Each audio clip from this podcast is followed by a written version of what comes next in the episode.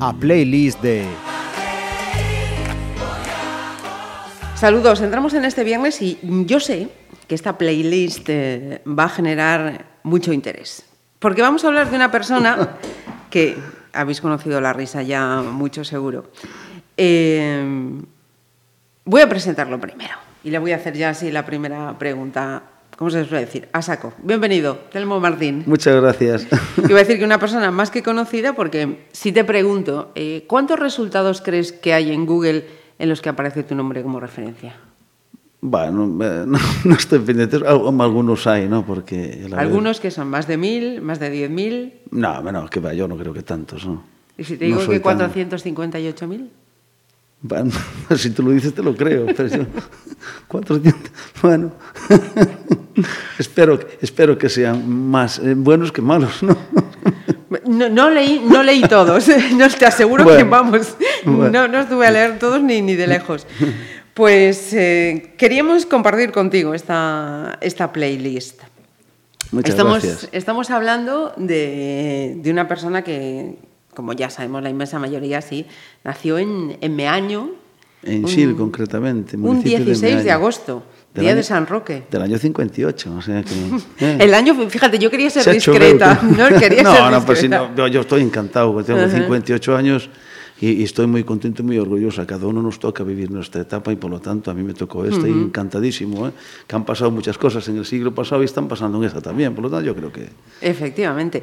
Mira, y eres hijo único, si no me equivoco. No, no soy hijo ¿No? único. No, no. Ah. Tengo una hija única que es distinto. No, ya somos cinco hermanos. Soy el mayor Ah, de cinco, cinco hermanos. sí, Mira, cinco ¿ves? Pues hermanos. Cuatro dato- hombres y una mujer. Sí, sí. ¿Cómo, se lleva eso de ser el, el mayor? Bueno, pues siempre tienes un poco más de responsabilidad, ¿no? Porque al final eres el primogénito y bueno, pues tienes que, que mirar un poco también por los demás, ¿no? Pero bueno, bien, muy bien, nos llevamos todos muy bien y encantado. Eso, eso es importante. Y te pregunto por tu infancia, ¿cómo, cómo te recuerdas? Eh, ¿Cómo es aquel Telmo de pequeño por Sil? Pues mira, te voy a decir una cosa que, que es un tema que a veces que no sé si los demás, las demás personas y los más niños recuerdan. Yo la, la- el recuerdo que tengo más antiguo más de mi infancia es con cuatro años cuando mi madre se marcha para Alemania. Fíjate tú, con me acuerdo perfectamente. Con cuatro Un años, día- con cuatro años es el recuerdo que tengo así más tal, que me veo yo así. No sé si es normal, si no es normal, si la gente se recuerda con dos años o con seis, no lo sé. Yo me recuerdo con cuatro años, es el recuerdo más antiguo que tenga. Y después la infancia, yo pues con mis abuelos, estuve pues hasta los 12 años, después me fui a Alemania, para todo allí en Sil, después me vine de vuelta, pues espera, trabajé. espera, espera, no, no, adelante, es que, que este- que esto, esto hay que tomarlo poco a poco, que hay Bueno, muchos bueno, detalles bueno. hay que sacar, muchos detalles. Decías eso, con cuatro años, tu primer recuerdo, mm, tu madre marcha eh, a Alemania y, mm, bueno, tú ya sabes esto que se dice y lo vamos a ir viendo a lo largo, espero, de esta entrevista, que dicen los americanos eh, la importancia de los hombres hechos a sí mismos, ¿no? Y sí que muchas veces eh, te, te lo han dicho. Porque eh, estamos hablando, pues eso, de, de- de una familia, familia Martín González, pues como aquellas de, las, de la década de los 50, que pasó sus penurias. Nos acabas de decir que tu madre tuvo que, que emigrar a Alemania. Y, eso es algo, mm, creo que a día de hoy lo sigues teniendo presente, ¿no? Los pies en el suelo de... Ah, por supuesto, pero yo creo que igual que yo, mucha gente no hay que tener en cuenta que yo nací eh, en, prácticamente en plena posguerra, porque nacidos en el año 58, mi madre se marchó en el año 62 a Alemania y fueron momentos muy duros en España, muy difíciles y que, que te voy a contar, ¿no? Que, uh -huh. que tú no sepas, ¿no? Pero bueno, yo creo que te, eso te marca también, ¿no? Para, para el futuro. Yo creo que mi vida a día de hoy ha sido eh, esto, eh, un recorrido, digamos, casi todo basado en mi juventud. Uno siempre aspira de pequeño a tener algo más que los demás. Mira, estamos en fechas navideñas y ya no me voy a, poner a, cont- a poner a contar aquí, pues al principio lo mal que era la Navidad para mí. ¿eh? Uh -huh. Y entonces eh, yo hasta hace unos cuantos años, pues no eran las fechas que más me agrada, eh, agradaban del año, ¿no? Y tengo que decir que desde que eh, tuve una hija sí ha cambiado completamente y la Navidad para mí son unas fechas, eh, eh bueno, importantísimas, fundamentales en, en mi vida, ¿no? Pero no así de niño y eso me ha marcado y tal. No quise que a mi hija le pasara lo mismo que me pasó a mí, por lo tanto he luchado para que ella tuviera siempre unas navidades lo más felices posibles. ¿no? Y yo también lo he disfrutado, claro, aprovechando eso. Vamos a hacer una parada musical, si te parece, la primera parada musical y, y vamos con, a seguir con ese Telmo niño adolescente. Eh, em, me decían, eh, ha hecho una selección que le ha costado, es la parte más difícil de estas entrevistas, hacer la selección de de 10 temas. Y mm, no por orden cronológico. Entonces vamos a ir introduciendo, si te parece, las, las canciones, mm, si tienen que ver con el momento en el que paro, si no. Pero eh, Matia Bazar, eh, si no me equivoco, es un grupo allí de los, de los 70, ¿no?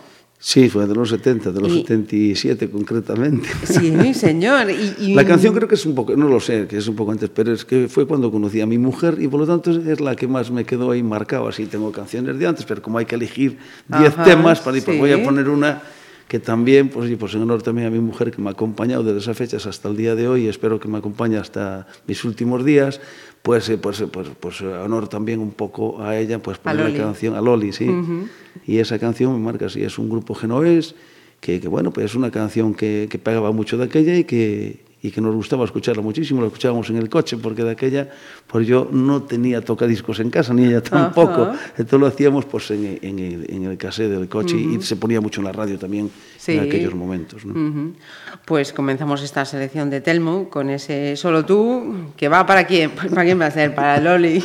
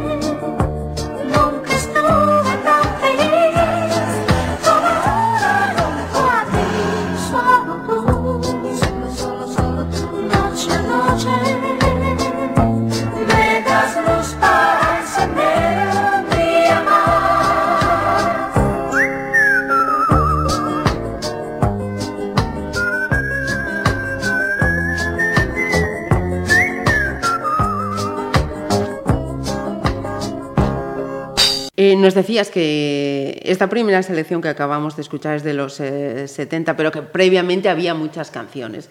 ¿Cuál era la banda sonora que te acompañaba en tu, en tu infancia? ¿La de las fiestas del pueblo? ¿Había algún sitio donde escuchabas música? ¿Cuáles son sus primeros recuerdos musicales? No, me gusta mucho la canción Mamma Mía. Mamma Ajá. Mía, Mamma Mía es una que aparte como vi el, el, vimos el musical dos veces sí. y, y, vimos el musical y entonces es una canción que te queda ahí, que te alegra, pero aún ahora mismo, ¿eh? yo sí, a veces sí. aún estoy, tengo los CDs en el coche, vas por ahí y pones Mamma Mía, yo es una canción que me, eso me, me, da alegría, me recuerda tal y te alegra un poco el, el momento. ¿no? ¿Y, ¿Y de pequeño qué escuchabas?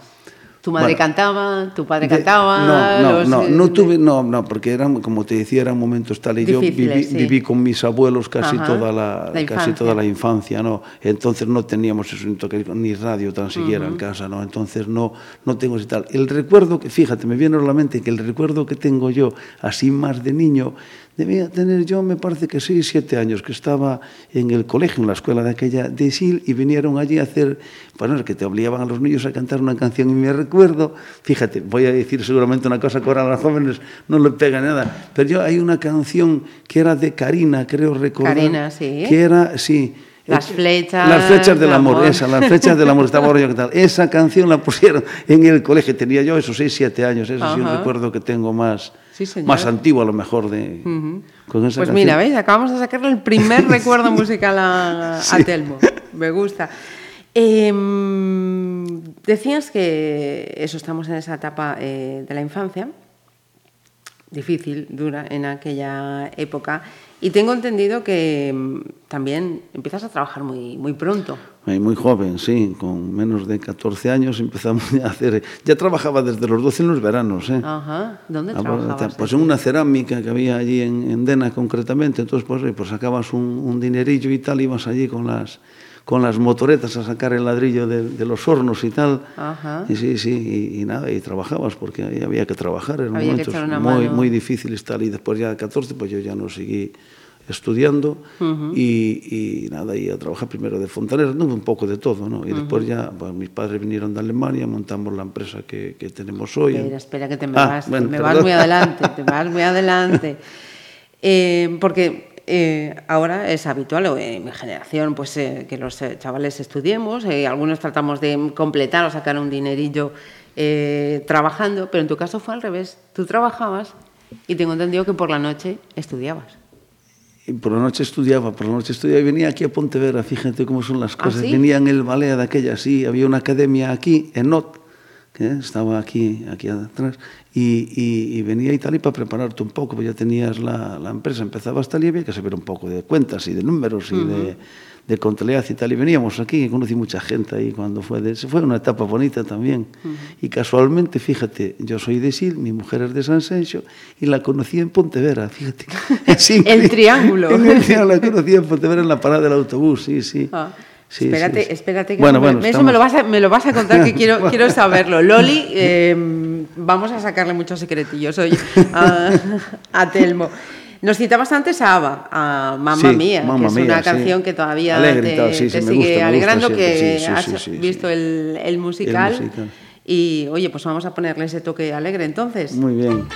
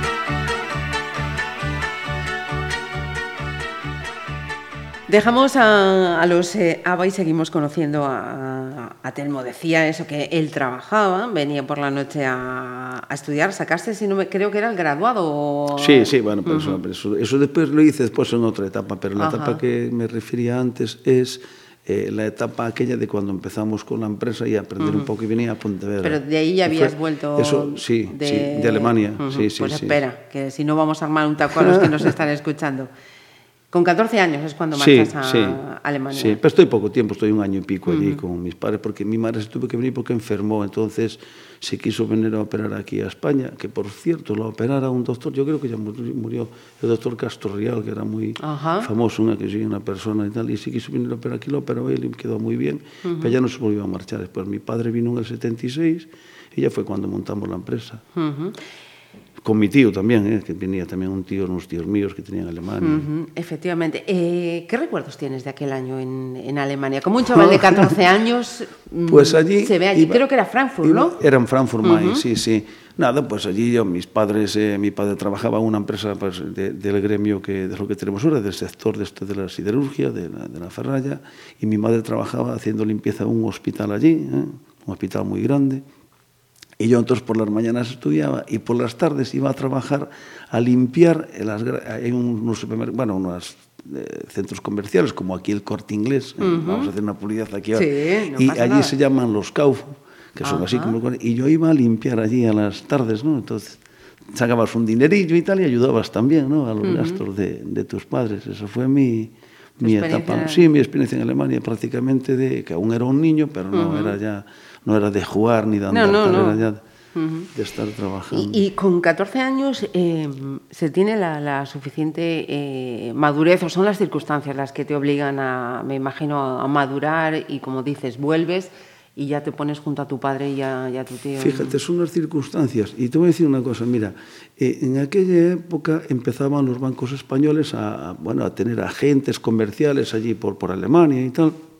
non había sucursales físicas, pero las iban, se empezaban a hacer, ¿no? Y había un banco que ahora ya no existe, que, bueno, se fusionó con que era el Banco Hispanoamericano. No, recuerdo. Sí, y el Banco Hispanoamericano vino a hacer allí a eh, eh, darle oportunidades a los hijos de migrantes españoles, oye, pues para que entrara en el banco, no sé qué. Y resulta que yo, que no tenía formación, y fíjate tú, con 14, 14 años medio, 15 años que tendría de aquella, vienen, hacen una selección y me cogen también a mí para entrar a trabajar de botones en un, en un banco. Y no sé si con la buena, yo creo que con la buena al final, mala porque tuve que venirme con la enfermedad de mi madre, que si hubiera a España me tuve que venir y nunca pude entrar a trabajar y ya nunca volví a Alemania por este tema. Y estoy convencido de que si no hubiera sido eso, yo hoy sería, pues eso, pues un empleado de banca seguramente, un botones hasta hoy estaría de, de, no sé, de portero. ¿Tú, la- tú crees que nos vamos a creer que tú, se- tú serías de botones o portero del banco? No Sí, me lo bueno. creo, Telmo. Sí, hombre, yo... No, seguro que no. seguro que no. Hoy te estoy confesando unas cosas hoy que nunca se las he contado a nadie. De eso ¿eh, se madre? trata, de eso se trata, de eso se trata. Sí, sí, pues mira la vida tú. Mm, mira, vuelves a, a tu tierra entonces. Con tu padre y con tu hermano montas la, la empresa. Con mi tío, con mi eh, tío, con mi padre y con mi tío. y Con mis perdón, tíos, sí, eso es. sí, los tres. Hierro Santa, Cru- Sí, Hierro Cruz. Santa Cruz, sí. Eh, la- este sector, eh, porque por la experiencia que ellos traían de, de estar allí, porque, Porque ellos trabajaban allí en una empresa que ya no existe también tal, que se llamaba la BPK, que es el mismo sector en el que trabajamos hoy, ¿no? Y montamos la empresa y poco a poco, pues eso, por fuimos ya, empezamos en España en el año 70 y- 76 E empezamos pouco a pouco e tal, e cuando foi nuestro salto en crecimiento, pues ya son el año 90, eh, 89, 90, 91, que fue la expansión aquella, pues oye, la Andalucía, uh -huh. la Expo de Sevilla, eh, las Olimpiadas en tal, entonces te abriste un poco y tal, y desde ahí pues vas pues luchando. Uh -huh. y, y ese Telmo adolescente, muy, muy adolescente. De aquella con 14 años eh, éramos en niños, no, no, no éramos adolescentes. Se va haciendo, me imagino, eh, un, un hombre, eh, eso, de niño a hombre a base de, de- de experiencia. Eh, ¿cómo, cómo te vas curtiendo en, en la empresa? ¿Cómo vas mm, haciéndote ese, ese hueco? Porque además no es fácil, eh, eh, por, lo, por lo que veo, esa convivencia entre distintas generaciones dentro de una Sí, misma la empresa, verdad ¿no? es que yo no tuve una juventud. Mira, pues te voy a contar otra cosa. Recuerdo que en una ocasión, eh, debió de ser esto, eh, Loli y yo nos conocimos en el 77, debió ser en el 78 o así, ¿eh? en el 78 debió ser, no me recuerdo la fecha exactamente, pero nada, recuerdo que un sábado por la tarde me aparece mi suegro, el collar mi suegro, con Loli allí en la empresa, e yo trabajando allí hecho un desgraciado con, con un mono de estos tal llenos de tal, porque había quedado en pasar a recogerle, de aquella no había teléfono, tenía teléfono en casa como se tiene ahora. Eh, en esa época creo que aún nosotros no teníamos ni teléfono en la empresa. Creo que lo eh, tuvimos a partir del 80, así porque no había, no, no son sí, estos sí. tiempos, no pasa. Había, pero en ciertas zonas, en el estanco, en un bar, pues tal. Y me aparece allí y tal, porque dije, oye, a ver si este, en vez de estar trabajando hasta fría, a lo mejor me intento saber con tal. Y, y llegaron allí, y, y, eh, ¿y qué pasó y tal? ¿Y qué pasó y tal? No, y se quedaron mudos, porque claro, y yo trabajando Vieron allí. que ahí yo- estaba dando el y esta- callo. y estaba yo solo ese día, que no, no, te cuento para que veas, fue muy duro todo. Yo no tuve, digamos, esa juventud de los 18 años de, de poder salir, pues, eh, o todos los sábados, o los de aquella se salía más el domingo incluso que el Que el sábado, pero el sábado. sábado también se salía, pero bueno, se empezaba de aquella hora sale más los viernes y los sábados, ¿no? El domingo ya es un poco más para quedarse a dormir hasta las 4 Para de la recuperar tarde, de- cosa que yo nunca hice. sí. Y, y, y tuve una juventud, digamos, pues bueno, pues yo creo que fue bueno también, porque tengo un defecto que soy un poco adicto al trabajo y entonces para mí el trabajo es como una diversión, o sea, vale, ¿cuánta gente le gustaría que ahora desgraciadamente está en el paro y le hubiera gustado pues tener tiene esa ocupación? Yo, por ejemplo, pues eso, pues con momentos, de, he tenido momentos muy difíciles en mi vida, momentos eh, más dulces, pero el trabajo nunca fue una cosa que me, me fuera una cara, que me fuera un problema, todo lo contrario, ¿no? Eh, y así. Eh, vamos a hacer otra paradita, porque además creo que viene bien para, para la siguiente pregunta que te quería plantear. A mí me han chivado eh, que te gusta mucho Nino Bravo. Sí, de Nino Bravo. Y Sí, decías, pobre- ¿y pobre qué selección hago yo de, de Nino Sí, Bravo? es que es claro, es que hay tantas, uf, tantas. Elegí la de la de Libre porque es una cosa que me, bueno, pues me gusta esa canción, tiene buen ritmo y tal, y, y me relaja a mí la música. Así, pues te recuerda buenos momentos, pero al mismo tiempo, bueno, pues me gusta. Nino Bravo me gustaba muchísimo, tenía una voz espectac- Impresionante. espectacular. Fue una pena el accidente que, que se fuera tan, tan joven y tal, ¿verdad? Pero era una de las grandes voces de España, creo yo, si fuera. Y en aquellos momentos no había los adelantos que hay, Que hay hoy ahora, para eh, tal, ¿eh? imagínate. Eso tenía que ser impresionante a capela escucharlo, pero bueno. No, Poner tu- los- no tuve esa oportunidad. Y elegí la libre por eso, pues la libertad libre y tal. Y podía elegir en esa fe. Fíjate que el año 77, 78, 79, que es cuando voy a la Milia, a Madrid, precisamente son los años de pura transición. Sí, sí, ahí Eh, estaba. el golpe de Estado fue el 23 de febrero del 81. Yo te podía contar de Madrid las anécdotas que tengo en la mili, los compañeros, claro, porque oye, esos años eran unos años muy difíciles, verdad, pero fueron los años Sí, puros de la transición. O yo creo que había, si non era un asesinato cada dos días en cada semana, eh? o tema uh -huh. de ETA e tal, foi momentos moi difíciles, moi duros en España, ¿no? todas as canciones así, pois pues, iso, Libertad, hai muchas moi bonitas, me gusta, así, me, me recuerda, pois pues, eso, momentos buenos e momentos uh -huh. difíciles, pero que te relaja la canción. O sea, que antes de ir con Nino Bravo, me acaba de surgir otra, otra cuestión, eso, marchas a Madrid, marchas a Madrid a hacer la, la mili, me imagino también que ese año para ti eh, es el de...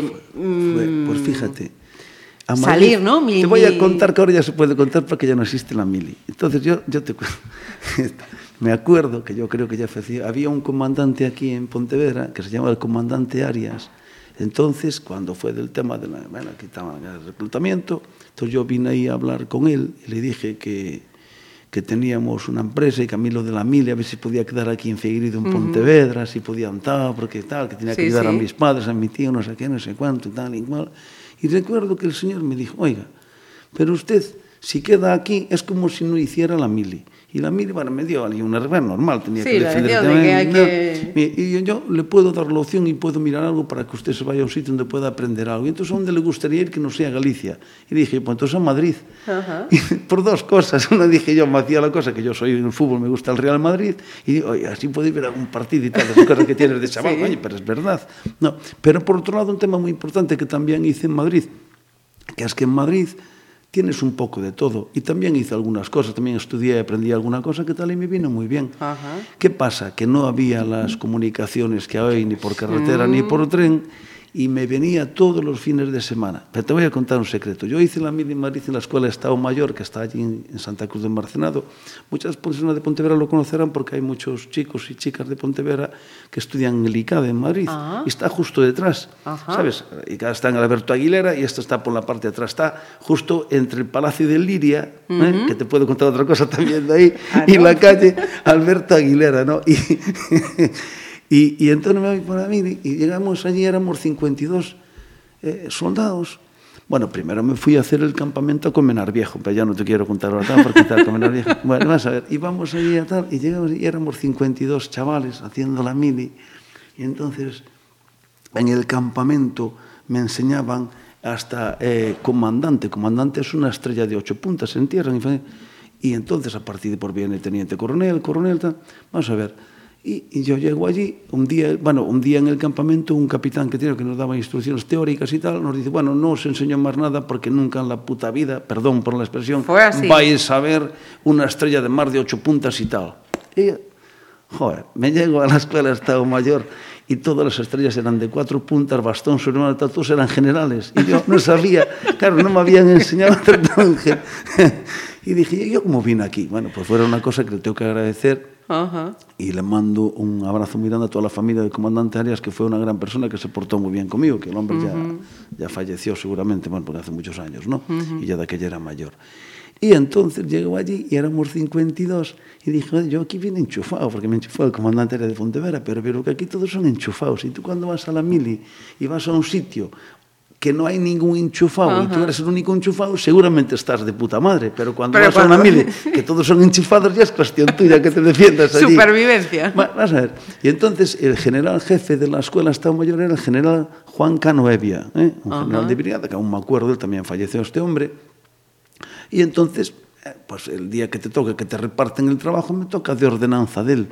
Con la gran suerte de que de ordenanza en él tenía un pase especial, andaba de paisano toda la semana y me podía venir los viernes a mediodía y, tal, y tenía que estar el lunes a las 8 de la mañana en Madrid. Entonces me venía en el coche de Madrid el viernes por la tarde, llegaba aquí el viernes muy tarde por la noche y me marchaba el domingo por la noche. Sí, durante 14 meses estuve haciendo eso. Caramba. Sí, sí, no, no, para, son, no son, las eh, 6, 7 horitas no, de ahora, no, ¿eh? no, ¿eh? ahora, no sé, ahora a Madrid lo haces perfectamente 6 horas, yendo uh -huh. con normalidad y tal, o 6 horas y media si te paras dos veces, pero si paras una, en 6 horas lo haces uh -huh. perfectamente, pero de aquella eran muchas más horas. Sí, y tal, pero lo hacía todos los fines de semana y después venía los fines de semana y, y no, les- me cabreaba porque aún venía y aún me iba a trabajar en vez de estar Con ella.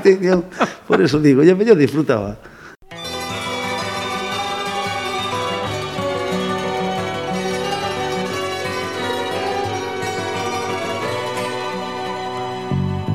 Tiene casi 20 años y ya está cansado de soñar. Pero tras la frontera está su hogar, su mundo y su ciudad. Piensa que la alambrada solo es un trozo de metal, algo que nunca puede detener sus ansias de volar.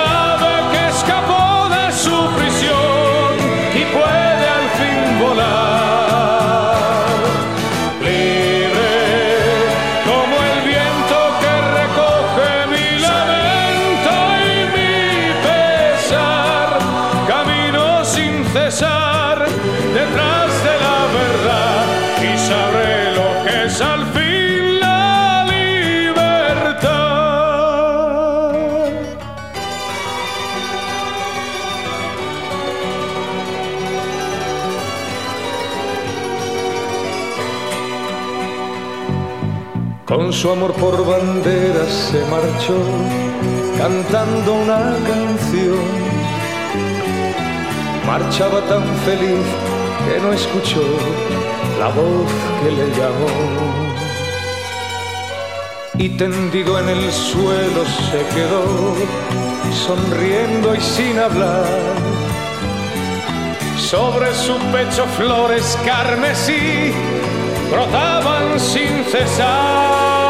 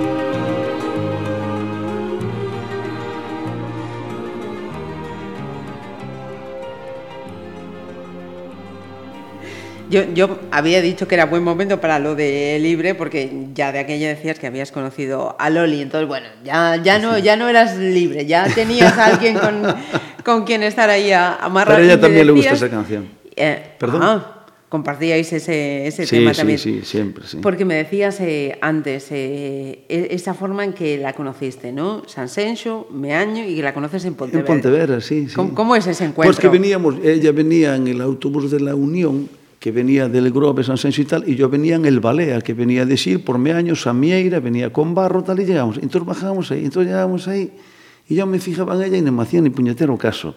Ni puñetero caso. Entonces, claro, te cabreas cuando dices, yo, ¿cómo no me va a hacer caso a mí esta pipiola? Viene tal y, al final me enganchó, aquí está, y yo encantado de que me haya enganchado. Que tendrán las de San. Eso digo yo, que tendrá, así que después, fíjate tú, me imagino que hablaremos después otra vez, como retomo yo tal. Es increíble, Sí, señor. Mira, eh, terminas esos 14 meses en, en Madrid de hacer la mili y sigues, sigues con, con la empresa. Sí, seguimos con la empresa, estamos hablando del año 80, y viene, ¿Cuándo das el salto de, de Hierro Santa Cruz al ámbito inmobiliario, construcción? ah, pues te cuento, el, el ámbito inmobiliario fue en el año 91, concretamente el 10 de febrero del año 91, y además podía contar otra cosa que fue increíble de eso. En el año, el 10 de febrero del año 91 es cuando fundamos la empresa Constru 4. Eso vino motivado porque había una, había una empresa aquí en Pontevedra que, le fue mal, lo pasó mal, nos debía un dinero, igual que nos debía a nosotros, le debía a otra gente, por eso fundamos lo de lo de Constru 4, ¿no? Y eso fue en el año 91. 91. Sí, en el año 91 lo fundé con, con otros socios, con Torres y con Sobral, una persona muy conocida de Pontevedra, que tenía una planta de hormigón y tenía las- el, el- tema de, bueno, que ahora es Comervía, que antes se llamaba otro nombre, creo, y también estaba colgado con un montón de pasta y decidimos que lo mejor para no perder todo el tema era echar mano Aliarse. de eso, terminar algunas cosas y fundamos ahí el tema. Es más, fíjate, eh, lo fundamos... E foi cando empezou tamén un pouco a evolucionar todo isto, o sea, nos años 90, con el tema de los, de los, de las Olimpiadas, de, los uh -huh. de Sevilla, de la Expo e tal, E, empezamos, e, oye, pues mira, posemos tal, oye, que hacemos? Deshacemos todo, continuamos. Hicimos continuar e tengo que agradecerle tanto a, a Torres como a, a, a Sobral. Sobral. Sí, sí, la iniciativa que han tenido y tal, porque prácticamente ellos son los que dirigen y que han llevado al éxito a la, a la empresa y yo uh -huh. estuve un poco más... más alejado, porque fue en esta etapa de mi vida y tal, y yo estaba más centrado en mi empresa. Y en esa etapa, eh, en, lo- en el comienzo de los 90, es cuando empezamos a expandir también nosotros con Hierro Santa Cruz a trabajar en otros puntos de fuera de Galicia. Entonces te absorbía. ¿no? Tengo, eh, hicimos obras, por ejemplo, eh, pues en Almería, en aquella tal. Imagínate ir de aquí en coche a Almería, ir y venir al día siguiente y tal. ¿no? Pues, y, y así lo hacía, pues así había que andar. ¿no? Para- Mira, me decía eh, mi abuelo, mi abuelo paterno, eh, tú que tienes ocasión de ir a la universidad, eh, aprovecha, aprovecha y, y estudia, porque tu abuelo también fue a la universidad, pero fue a la universidad de la vida y de ahí tuvo que aprender. y, y yo creo que tú eres de, de la, de- de la misma, la universidad de, de Yo la me vida. asco a la vida, sí, es verdad. Yo no tuve la... Sí, sí, perdón, sí, sí. perdón. Sí, no tuviste la... la- No tuve la oportunidad, bueno, pues oye, por circunstancias de la vida, no, no todo el mundo. En cambio, hay gente de mi edad que a lo mejor lo pasó peor y hicieron una cosa muy buena a sus padres y tal. Yo, sobre todo en la zona mía, ¿no? en la zona del Salnes. Yo, por ejemplo, tengo compañeros de mi edad que en aquellos momentos sus padres vendían fincas para que sus hijos estudiaran. Nosotros no podíamos venderlas porque ya no las teníamos. Pero eso fue una cosa que yo aplaudo, ¿no? porque yo creo que la formación es una cosa que no te puede quitar nadie. O sea, yo eso sí lo inculqué, bueno, Loli y yo se lo inculcamos a nuestra hija y dice, oye, Nuria, yo no voy a trabajar para que tú te quedes aquí el día de mañana disfrutando lo que trabajan tus padres. Nosotros vamos a trabajar para darte la formación que tú quieras y donde quieras y tal y luchar, porque lo que tengas dentro de tu cabeza es No lo dueño, no te lo va a quitar nunca nadie, no te lo pueden, eso es, vale? Uh -huh. y, claro, yo en aquella etapa, cuando veía compañeros míos que Oye, algunos han hecho medicina y marchaban a estudiar apoyados por sus padres y tal. Yo aplaudo eso, ¿no? Hay otros padres que decidieron que sus hijos no estudiaran y podían en aquel momento, porque podían pues, vender fincas o lo que sea, uh -huh. o incluso sin venderlas, pues qué tal, y no lo quisieron hacer así, pero bueno, oye, cada uno. Te decía, eh, en esa universidad de la vida, si yo te pregunto, Telmo, eh, ¿cuáles son las dos, tres lecciones más importantes que, has aprendido? Y que esas no, se, aprenden en la otra, ¿eh? Bueno, eh, una de las cosas más importantes que tienes que tener es la constancia, o sea. Después hay un tema fundamental que es el no eh, eh, quejarte, estar constantemente, o sea, en positivo, pensar en positivo, o sea, si te caes te vuelves a levantar y vuelves a caminar y lo vuelves a intentar y lo conseguirás. Vamos, yo le tengo prohibido desde hace muchos años a la gente que me rodea a mi lado, tanto en la empresa como en la vida política, no quiero quejas ni tal ni más tal, quiero ilusión, para adelante, para adelante. Y a mí me ha demostrado la vida que si tienes ilusión, si lo intentas, si luchas y tal, al final la vida es agradecida con uno mismo y algo te va a premiar. Hai momentos moi difíciles, moi duros, que lo máis fácil sería tirar la toalla e que ordén o que non sei que, non sei cuánto. Uh -huh. Yo te podía contar muchas cosas, sobre todo nos últimos años con esta crisis, e yo que, que he sufrido mucho, pero non me importa, porque lo llevo tanto en la vida política como en la vida profesional o laboral o como empresarial, como quieras llamarlo, uh -huh. pero yo creo que no, yo creo que hay un tema que es en la vida fundamental, es luchar y nunca tener miedo a enfrentarte a ningún tipo de problema, estar preparando para, preparado para todo, ¿no? Yo he tenido anécdotas, sobre todo por la por la vida política y tal, pues te, te podía contar de cosas y de detalles. Vamos, vamos me tienen que venir a la mente. la- sí, si- sí, te van, te van a venir. Para, para que te vengan a la, a la mente, si te parece, hacemos otra paradita eh, con Frank Sinatra. Casi nada. Oye, es que la canción esta de My Way, vamos a ver, a mi manera es una canción que yo me veo como un poco... Eh, te decir, ¿no? Es un poco como un himno Sí, tuyo, sí, ¿no? Mm. como una cosa tal y me encanta, me encanta esa canción, ¿no? Y, y también fue una gran voz, ¿no? De hecho le llamaban la voz porque... y, y tiene muchas bonitas, pero esa canción es que me marca un poco a mí. Y fíjate que cuando tengo, tengo alguna más ahí también, pero cuando tienes algún momento estos así que tal, pones esa canción y me relaja, me siento bien y tal, y te olvidas de otras cosas. Y eso, y a pensar en positivo. Entonces es una canción que eso que me veo, debe ser porque soy Leo, me veo un poco reflejado ahí. Pues venga, vamos con ese My Way de Frank Sinatra. And uh, now the end is near, and so I face the final curtain. My friend, I'll say it clear, I'll state my case, of which I'm certain. I've lived a life that's full.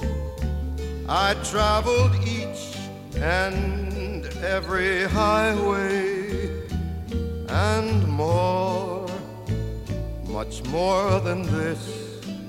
I did it my way. Regrets, I've had a few, but then again, too few to mention. I did what I had to do, saw it through without exemption. I planned each charted course, each careful step along the byway,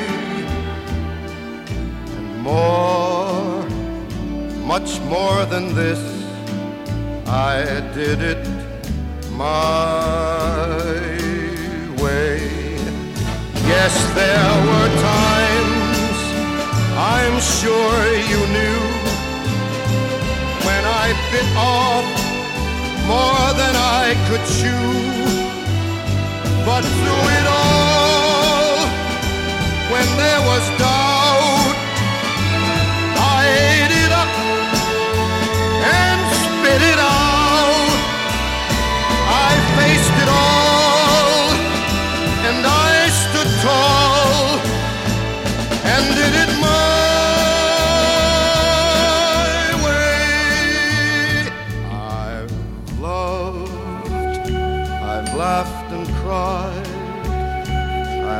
my fill, my share of losing, and now as tears subside, I find it all so amusing to think I did all that. And may I say, not in a shy way, oh no, oh no, not me. I did it my way. For what is a man? What has he got? If not himself, then he has not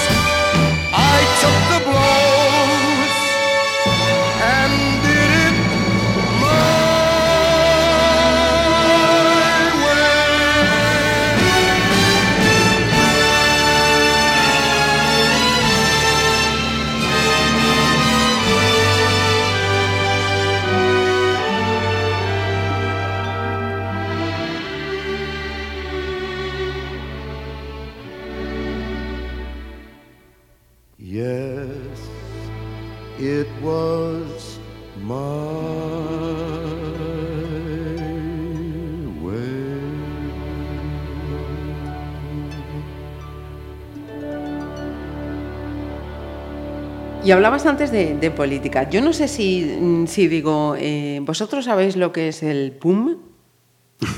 Si le, si le pregunta a Telmo, Sí, me va a decir que sí. Parroquias Unidas de Meaño. Sí, señor. tú. Ahí es donde surge tu vinculación a, a la política. ¿Por qué dices? No, no, mi- no, no, ¿No? no, no, te voy a contar cuando surge mi vinculación a la política, surge en el año 77. Me voy a explicar. Yo estaba un día, una tarde, allí en la empresa, allí en Castrelo, Cambados, e me viene eh, un señor que ya falleció el hombre en paz de Francisco Méndez, eh, o Ferreiro de Meaño se llama, que se hijo tiene un vino muy bueno albariño que se llama Ferreiro, lo digo oh. porque es ah. amigo Gerardo. Bueno, vas a ver. Entonces viene allí y me dice, oye Telmo, ¿puedes acompañarme un momento aquí a Cambados y tal? Y digo, hombre, don Pepe, que yo le llamaba así don Pepe, que mira, esto, eh, ah, no, venga un momento y tal, pero no, pero no estoy bien, no, así como estás y tal. Entonces me saqué el mono y tal, tenía una ropa normal, ¿verdad? Aquella y tal, y me voy con él a Cambados, al parador de Cambados. Llegamos al parador y me va contando por el camino de qué se trata. ¿Y de qué se trataba? Que Manuel Fraga venía al parador de Cambados a hablar con gente de la comarca de Salnes que más o menos tuviera esos ideales afines a él y tal, para convencer a gente, para tal, y de aquella no existía ni Partido Popular ni nada. Yo creo que es cuando se fundó que había Coalición Galega, que creo que tenía él seis diputados en el Parlamento Español y después se fundó ya lo de Alianza Popular. Vas a ver. Entonces llegamos a Cambados.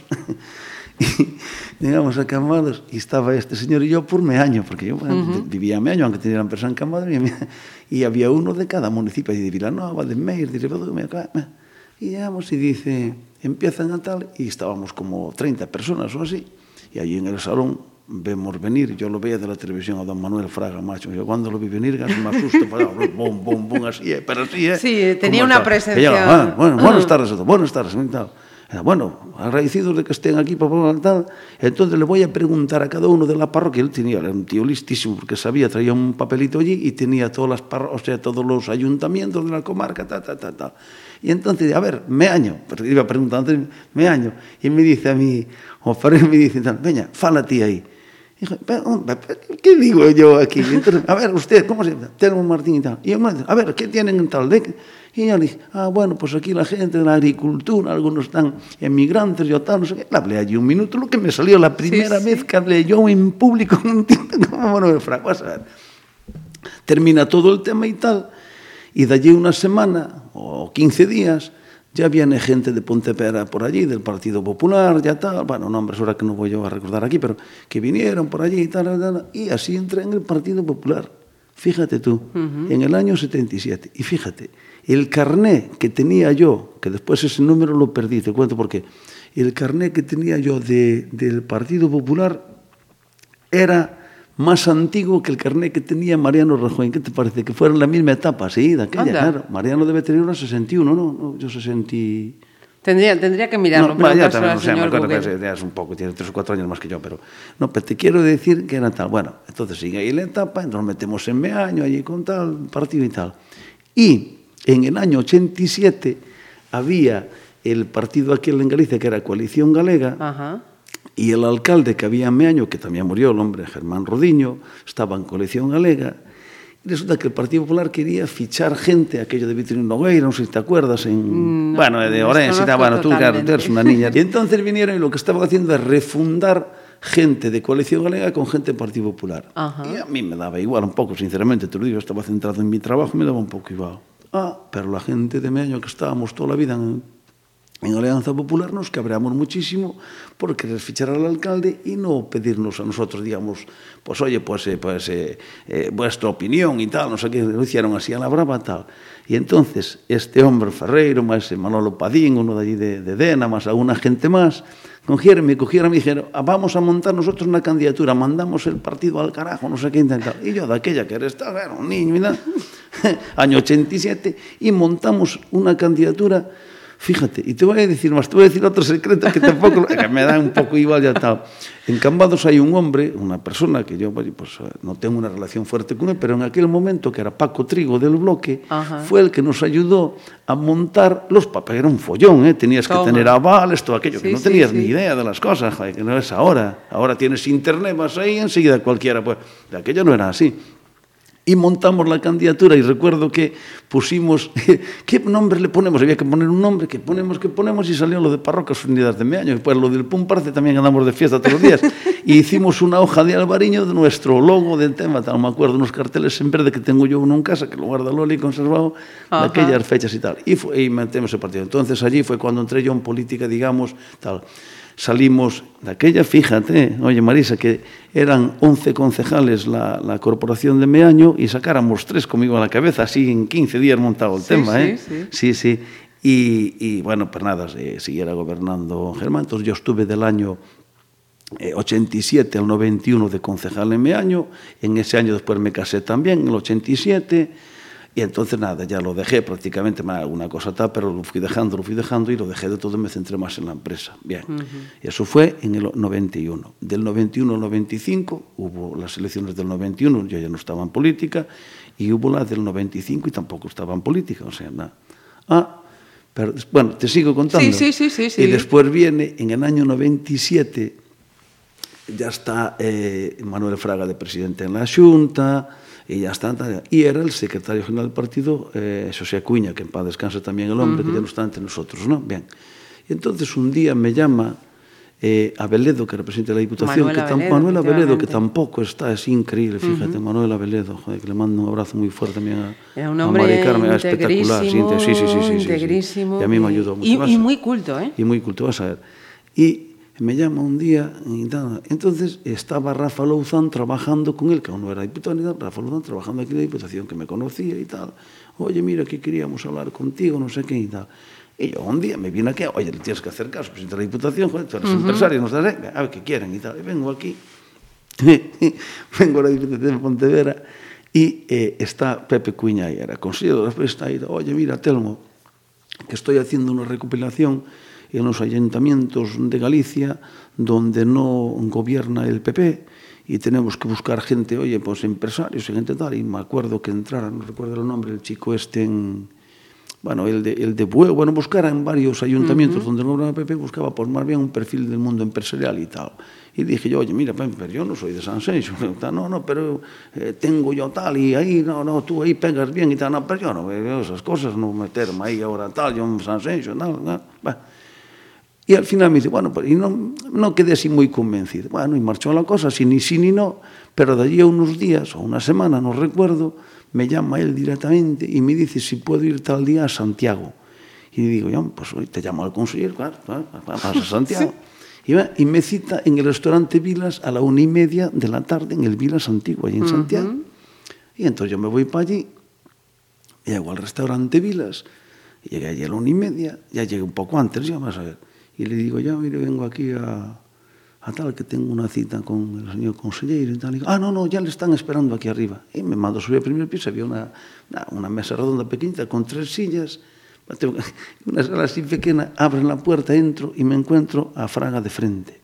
Hombre, bienvenido, no sé qué. Y Fraga estaba tomando un whisky. Un, me acuerdo como, mira, en un vaso de estos largos, como el que tengo yo, nada, un John igual que esa etiqueta negra. Y yo, Y yo, claro, ya me temblaron las piernas porque tienes ahí, te encuentras a Fran allí. Que yo tenía el recuerdo de Fran adelante, estaba.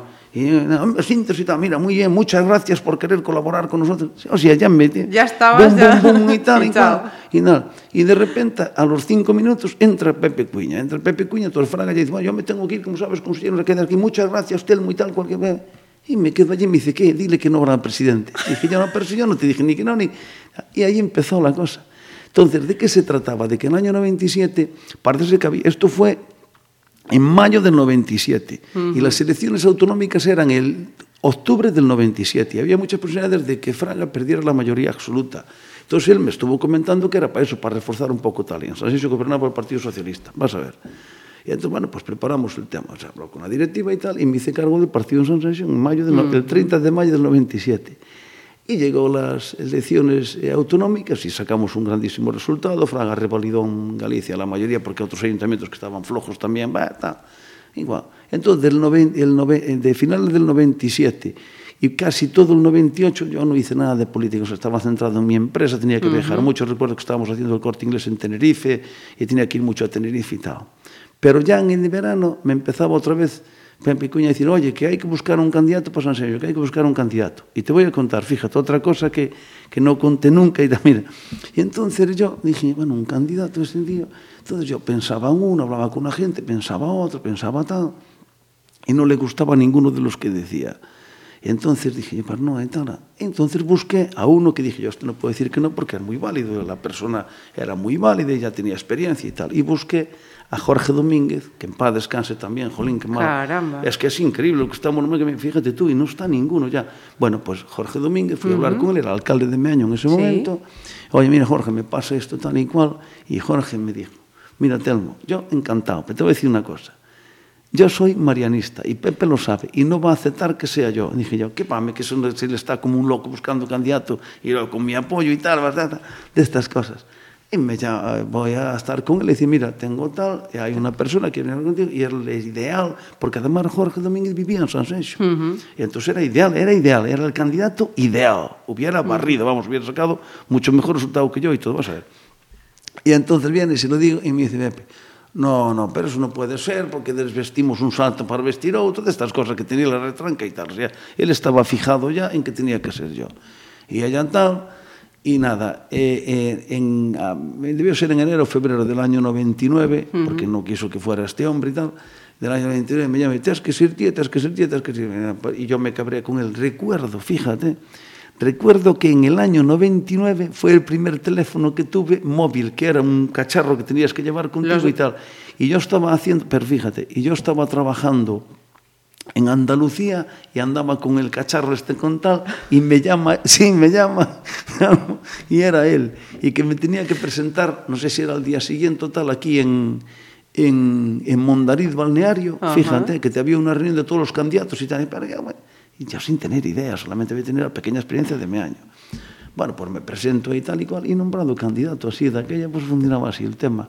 Y ya en el 29, pues ya sabes lo que pasó, ¿no? Ya el 13 de junio del año 29, pues, una, pues eh, Llegas a la alcaldía. llego a la alcaldía de San Senso y eso es otro tema que si quieres te cuento algo, no te cuento nada. Mira, y vamos a hacer una parada musical. Precisamente me dices, llegas a la alcaldía y siendo alcalde llega eh, esta selección que nos has hecho. Porque siendo tu alcalde, yo recuerdo en aquella esplanada concierto de Julio Iglesias. Ah, sí. sí, bueno, Julio Iglesias tiene canciones muy bonitas, ¿no? Eh, Pero, eh, pero hay un tema importante. Julio Iglesias, fíjate, aquel día del concierto, después al salir- Una noche horrorosa, con una Horroroso. niebla tremenda. Sí, sí, efectivamente. Él estaba preocupado por la tarde, estuviera allí ensayando y le preocupaba por la voz, porque ya, oye, ya no eran tampoco los mejores momentos de Julio Iglesias, ya estaba un poco, digamos, ¿no? non vou dicir en retirada, pero casi, ¿no? Pero lo máis bonito eso que recuerdo es en mi casa después, mm. que me dijo, oye, vamos a ver, ¿dónde podemos tomar? Y tomar qué? Y quería tomar huevos con patatas fritas y Toma. se una nécora, una nécora. Y casualmente, Lori, pues teníamos unas nécoras en casa uh -huh. y, y le hizo unos huevos con patatas, vino margente gente y tal. Y lo pasamos bomba. Oye, y si ves allí, cantarlo a capella con David, acojonante, o sea, es distinto, o sea, Sí, sí. ratas entre tal, y lo pasé muy bien. Entonces, pues no me parecía oportuno venir a este programa y Sin no recordar, sin poner a Julio Iglesias, ¿no? Pues fíjate que mm, voy a hacer una, una excepción porque en estas playlists eh, soléis contar muchos secretos. Y, y yo lo pensaba, fíjate, cuando me pasaron esta lista, Julio Iglesias, aquel concierto en San Senso, y voy a contar un secreto, si soy capaz y, y no me puede... Eh, mi padre, mis padres son seguidores, mi padre era seguidor de Julio Iglesias eh, tremendo. Y, y una de las eh, consecuciones eh, que logré fue que, que lo viera en, en concierto y fue, y fue allí. Ah, en, sí, que me alegro En mucho. San Senso. Y nos has elegido que no se rompa la noche, entonces. Sí, he elegido que no se rompa la noche porque es una canción que me gusta mucho a mí, aparte. Uh -huh. no Hay otras muchas bonitas y a la gente. Pues, pero yo creo que es una canción que pega bien también uh -huh. con el estilo de, de Julio Iglesias y el mío también.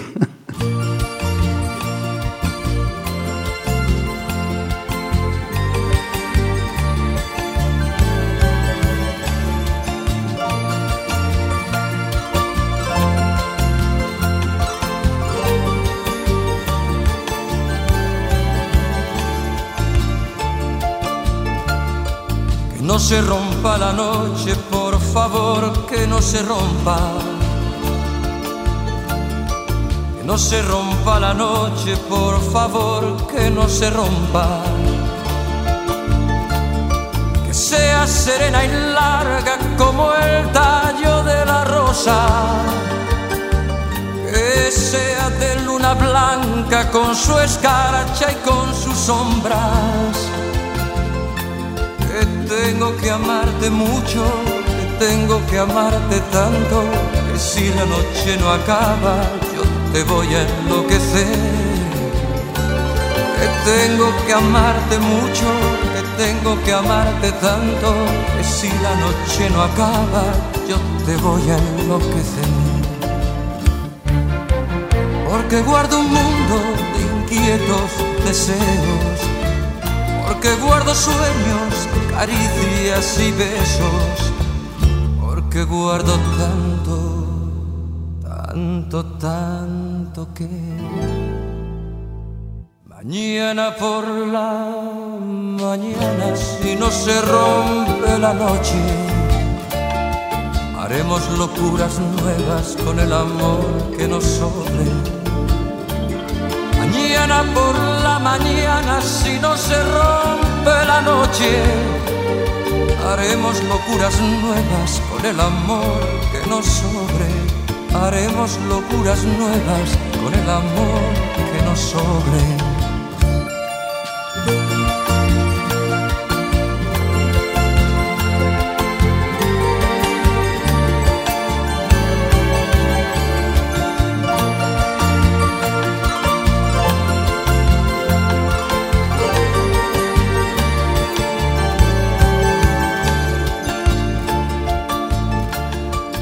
No se rompa la noche, que no llegue la mañana.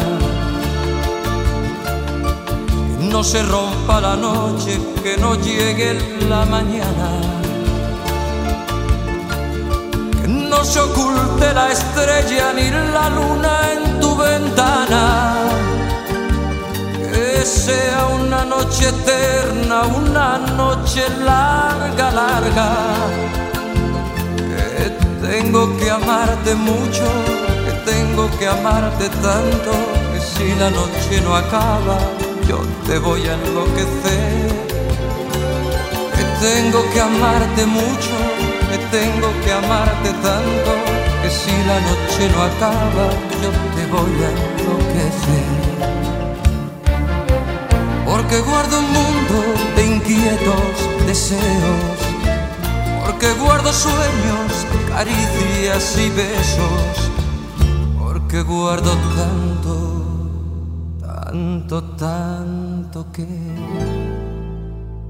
mañana por la mañana, si no se rompe la noche, haremos locuras nuevas con el amor que nos sobre mañana por la mañana, si no se rompe la noche, haremos locuras nuevas con el amor que nos sobre. Mañana por la mañana, si no se rompe la noche, haremos locuras nuevas con el amor que nos sobre. Haremos locuras nuevas con el amor que nos sobre.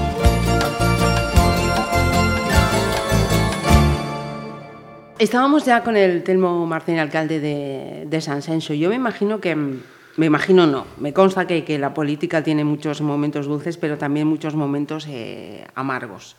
Y en tu caso has probado cualquiera de, cualquiera de los dos, ¿no?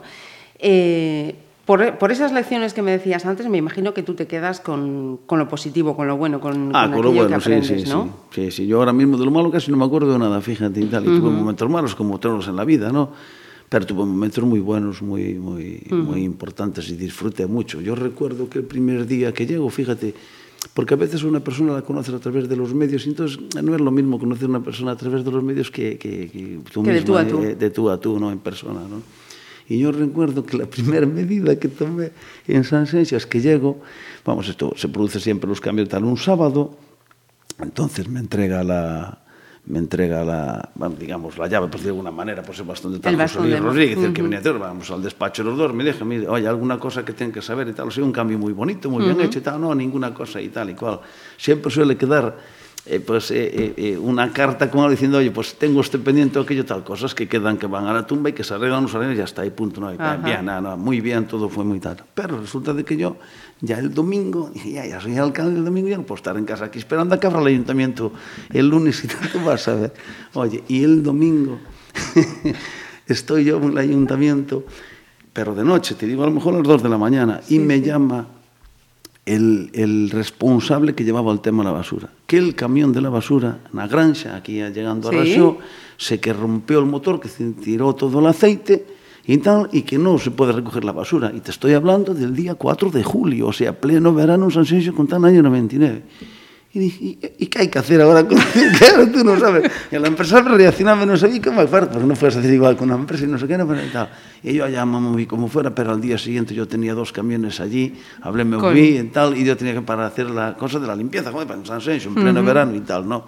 Y recuerdo ese tema. Y otra medida, pero eso no fue una medida, fue una solución a un problema, pero la medida que te iba a comentar es que llego el lunes y veo que la gente viene y había un reloj allí en la entrada para fichar. Ajá. Y entonces yo me presento, me viene el secretario y le digo, oye, por cierto, Luis, ese Luis, Luis Bermúdez, que ahora está secretario en Orense, y, di, y el reloj ese, que es una cosa, no, pero el reloj está ahí, tal, el reloj, pero ¿qué pasa? Que la gente es irresponsable ya de aquella, tal. Y dije, ¿y por qué? Joder, porque a mí que, que estén a fichar, entonces dije, ya mire, que se retire el reloj, aquí no ficha nadie. Ahora bien, los expedientes, por favor, que salgan ahí, los vecinos que se atiendan. A mí que me importa eso de si tú quieres, si tú necesitas un día libre porque tienes un problema, pues tu hijo, tu mujer, un familiar, tu padre, lo que sea y tal, joder, pues si eres responsable, vas, si no atiendes, si no pasa nada, siempre y cuando esté cubierto el tema. Y yo lo que quería es que salieran los expedientes para adelante. Entonces, tengo de aquella, recuerdo algún funcionario que estaban de 8 a 3 y era imposible que vinieran por las tardes y cuando yo les di libertad, dice, eres un cabrón, ¿por qué? Porque trabajo mucho más horas que antes, vengo por las tardes, por la noche, quiero cumplir contigo porque no te metes nada conmigo. Pero no era mejor que tenga uno libertad. Si un día necesita estar tres días en casa con su mujer que lo está pasando mal, ¿qué es eso de los moscosos? La otra mínima. Joder, creo que hay que ser responsables en un tema como San Sensio. No estoy hablando del Ayuntamiento de Madrid, ¿eh? Sí, sí, sí, un sí. ayuntamiento que más o menos, joder, que somos todos conocidos, que tal y cual. Hay que ser responsable en la vida y ya Sí, está, y sí. todo funciona mejor. Y yo creo que funcionó todo muy bien. De verdad tengo un muy buen recuerdo de todos los funcionarios de San Sensio. Unos más y otros menos, lógicamente. Cada uno tiene su... Su forma de for- ser y su su- forma y tal, ¿no? Pero fue una etapa de mi vida donde aprendí muchísimo, donde cometí errores, pero también este, tuve muchos aciertos y yo creo que hubo una transformación. Y bueno, y las cosas están ahí y punto. Y después pasó todo lo que pasó y tal, ¿no? Ah, Antes de, de volvernos a, a Pontevedra, otra paradita. Eh, los Beatles. Eres de generación de, de los Beatles. Bueno, pero te digo más, es que en los Beatles, por ejemplo, si este programa, en vez de estar yo aquí, estuviera mi mujer, te pondría las 10 canciones de De los Beatles, sí. y estaría la cosa reconectada. Yo un poco menos, pero claro, los Beatles son los Beatles, chicos, oye, que Ajá. eso es que cualquier canción que pongas de los Beatles, pues oye, eh, eso es... O sea, si te, porque, si ¿eh? te, perdón, digo que si no. te pregunto, Beatles o los Rollins, ya veo que vamos, sí, lo tienes los clarísimo. Rollins también, pero ya no cogía mal. Yo puse después, uh -huh. bueno, puse otro que no, bueno, ya lo dices tú después, ¿no? pero es que los Beatles son los Beatles, no, sí. yo creo que eso no es música. Lo mismo que Bruce Springsteen, efectivamente, Bruce Springsteen, que le ibas a decir. Es, es que, Bruce, es. sí, de Bruce Springsteen tengo que decir uh -huh. que hmm. es. Eh, eh, a ver, es un, un, artista, pero aparte esa canción que elijo yo es de que yo eh, tuve eh, una etapa de Bruce que yo tenía que andar mucho con el coche por toda España por el tema de las obras y tal, ¿no? Entonces, a veces dormías en el mismo coche. Entonces te daba el sueño muchas veces. Y tú pones a Bruce y a mí esa canción me despierta, me alegra y me da como energía. Y la Ajá. ponía muchísimo, la ponía muchísimo. Siempre la tenía en la cinta de él toda. y, y yo creo que la cinta me rompía siempre en el mismo sitio porque recalcaba siempre que saliera la misma. En esta, en el Hungry Heart. En el género, sí, sí. Ajá. Oye, pues hambriento, sí. I need somebody help, not just anybody help. You know I need someone help. When I was younger, so much younger than today, I never, needed anybody's help in any way. Now, but now these days are gone, I'm not so self-assured.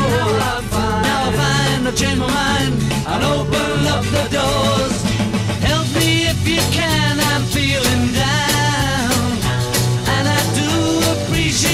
should be right.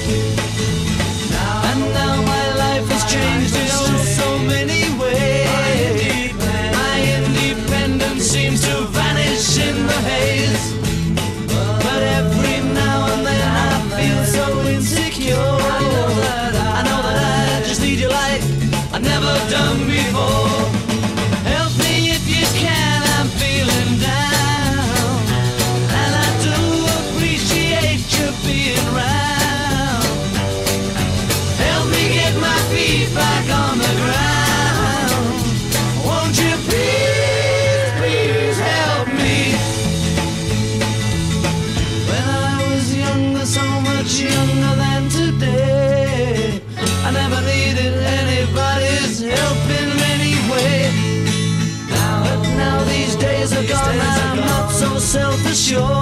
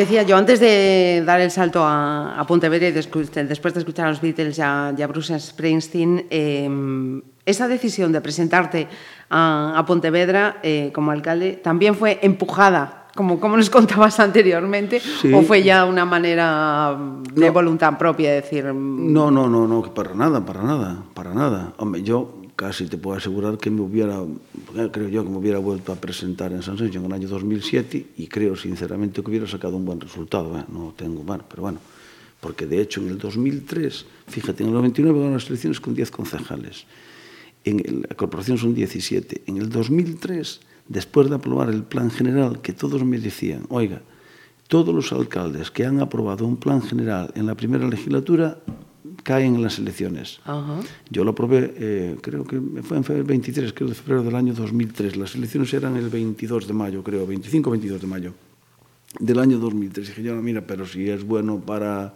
San Sánchez, pues, pues si no se gana también es fastidiado, pero bueno.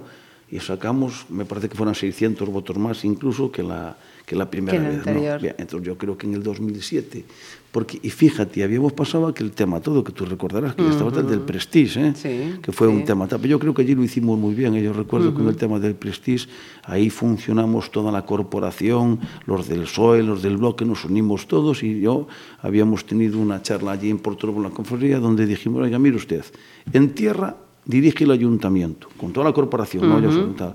y en el mar dirigen la cofradía de pescadores, o sea, los pescadores con el patrón mayor al frente. Aquello funcionó que ni de tal, de- al dedillo todo, estábamos ahí las 24 horas, fueron momentos difíciles, pero al final los recuerdas ahora como momentos bonitos también, conociste mucha gente, vino gente, muchos voluntarios, había que atender. cierto, aquella Ah, marea pero blanca, aquello fue una sí. marea blanca, y, de ahí- y pasando todo eso ganamos elecciones. Entonces, en el año 2006, no sé si recuerdas, Núñez Feijó, en enero, uh -huh. es presidente de nuestro partido en Galicia, y él se pone a analizar, bueno, me lo contaba a mí después, ¿eh? se pone a analizar todo Galicia y ve dónde hay tal, dónde tiene los problemas y tal. Y en Pontevedra, que había una, una chica, una persona, Teresa Pedrosa, estupenda, que estaba uh -huh. aquí en la tal, y estábamos en la lanzada, fíjate, en una, una reunión de estas de partida estábamos, y, y entonces Feijóo presenta a todos los candidatos de las seis de las siete ciudades menos Pontevedra, o sea, las siete, uh -huh. menos Pontevedra. E le digo yo a Teresa que estaba sentada, dice, ¿pero qué pasó y tal? Pues no sé, no quieren que tal, no sé qué. Yo sin saber nada, fíjate lo que sí, te sí. digo, eh, que se lo puedes preguntar a ella que está ahí viva. Y, y entonces, eh, pues nada y tal. Y pasó una semana así y me llama a Facebook. Me llama y dice, oye, mira, quiero estar contigo y tal. Estamos los dos juntos y ya me dice, oye, esto necesitaba que, que, que echaras una mano aquí al partido y tal. Eh, dime y tal y tal dice, eh, quiero que dejes a Sanxenxo que te vayas, que te vayas a Pontevedra. Pontevedra. E dije, pero tú estás loco. Dije yo, pero tú, como ir a Pontevedra? Alcalde de Sanxenxo no está preparado de la gente para que tú estés de alcalde en un sitio cuando todos los alcaldes decimos, ser alcalde en tu pueblo, ser no sé qué, es uh -huh. una cosa que nada. O ir a Pontevedra. Si tú lo haces, yo, él debería tener datos también, porque al final se vean las cosas uh -huh. tal. Y yo dije, mira, déjame que hable con mi mujer y con mi hija, porque es una decisión, pues, cuidado, no es una broma eso, ¿eh? Estoy hablando de junio del año 2006. 2006. Las elecciones eran en mayo de 2007. Entonces yo dije, bueno, pues, pues, bueno, pues hay que hacer el esfuerzo, se hace, ¿verdad? Y me vine a Pontevedra, dejé la alcaldía de San Senso el 16 de diciembre del año 2006. Y me vine para aquí, no vamos a contar porque ya sabes tú lo que pasó y tal, y nos quedamos ahí a las puertas, ¿no? Otros tienen más suerte, porque otros gobiernan perdiendo elecciones y yo, que fue un gran resultado, no sé si recuerdas y tal. sí, sí, sí. Y fue un momento muy bonito, fue precioso, aprendí muchísimas cosas en, en Pontevedra. Y bueno, después, si quieres, sigo. y después pasó lo que pasó, ¿no? Pero bueno. Eh, hacemos otra pausita. Creo que nos quedan eh, Ah. tres temas, tres temas. Y volvemos con otro clásico. Y, y fíjate que te veo yo con Rafael y con su Ah, sí, de gran noche. Con Rafael, hombre, Rafael es un artistazo, ¿no? Pero yo te voy a decir una cosa, fíjate, que es, es una cosa que la gente no recordará y tal. Yo, con mi madre en Alemania, Rafael de aquella era, empezaba Sí. con tal, y Manolo Escobar estaba ya un poco más eh, realizado. Sí, ya pues, venía ¿eh? Brega Ya venía Brega sí. y tal. Y entonces había esa lucha, vosotros a lo mejor no os recordáis, había como una cosa, la gente que era pues un poco Manolo Escobar, un poco Ah, Rafael, no, lo la gente mayor, sí, sí. Y yo entonces, claro, eh, Rafael era un estilo mucho más moderno, mucho más tal, y mi madre era de Manolo Escobar, entonces teníamos la cosa, entonces, sí, sí. La pelea entre la madre y el pero fíjate que años y tal, pero Rafael aún sigue triunfando hoy con la edad que sí, tiene y tal. sí. Claro, y, y- y Rafael, pues, ay, ¿por qué te voy a decir de Rafael? no? Una gran voz y tal, y me gustan todas las canciones, casi todas, vamos, de Rafael. Incluso, al bueno, tiene alguno que yo elegí otra cosa, pero pues al final, pues si lo quieres poner o no. Sí. Porque no, en el tema de los villancicos, que estamos en una fecha, Rafael tiene muchos y muy bonitos, en cambio yo elegí otra cosa. Ajá, porque- el tamborilero, pero, eh, ¿no? Sí, sí, tiene, tiene. Yo elegí otra cosa, tanto Rafael. Pues si te parece nos podemos quedar con Rafael y, y un tema además que comparte con un artista que quizá también te guste, que es Álamo. Hizo una versión Ah. de, ese, de Mi Gran Noche en ese Sí, disco recopilatorio sí, que se llamaba 50 años Sí, después sí, con grandes sí, sí. artistas. Nos podemos quedar con ese. Muy ¿Te bien, vale? me parece mejor.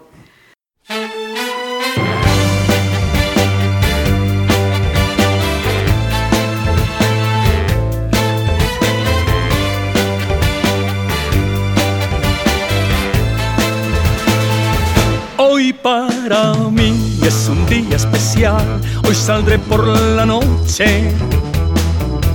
Podré vivir lo que el mundo nos da cuando el sol ya se esconde. Podré cantar una dulce canción a la luz de la luna y acariciar y besar a mi amor como no lo hice nunca. ¿Y qué pasará? ¿Qué misterio habrá? Puede ser mi gran noche. Y al despertar ya mi vida sabrá algo que no conoce. Era, era, era, era, era, la, la, la, la, la, la, la, la, la. Pa pa pa para pa para pa pa para pa. Caminaré abrazando a mi amor por las calles sin rumbo. Descubriré que el amor es mejor cuando todo está oscuro. Y sin hablar nuestros pasos se irán a buscar otra puerta que se abrirá como mi corazón cuando tú te me acercas. ¿Y qué pasará? ¿Qué misterio habrá? Puede ser mi gran noche. Y al despertar ya mi vida sabrá algo que no conoce. Pa pa para ra, pa.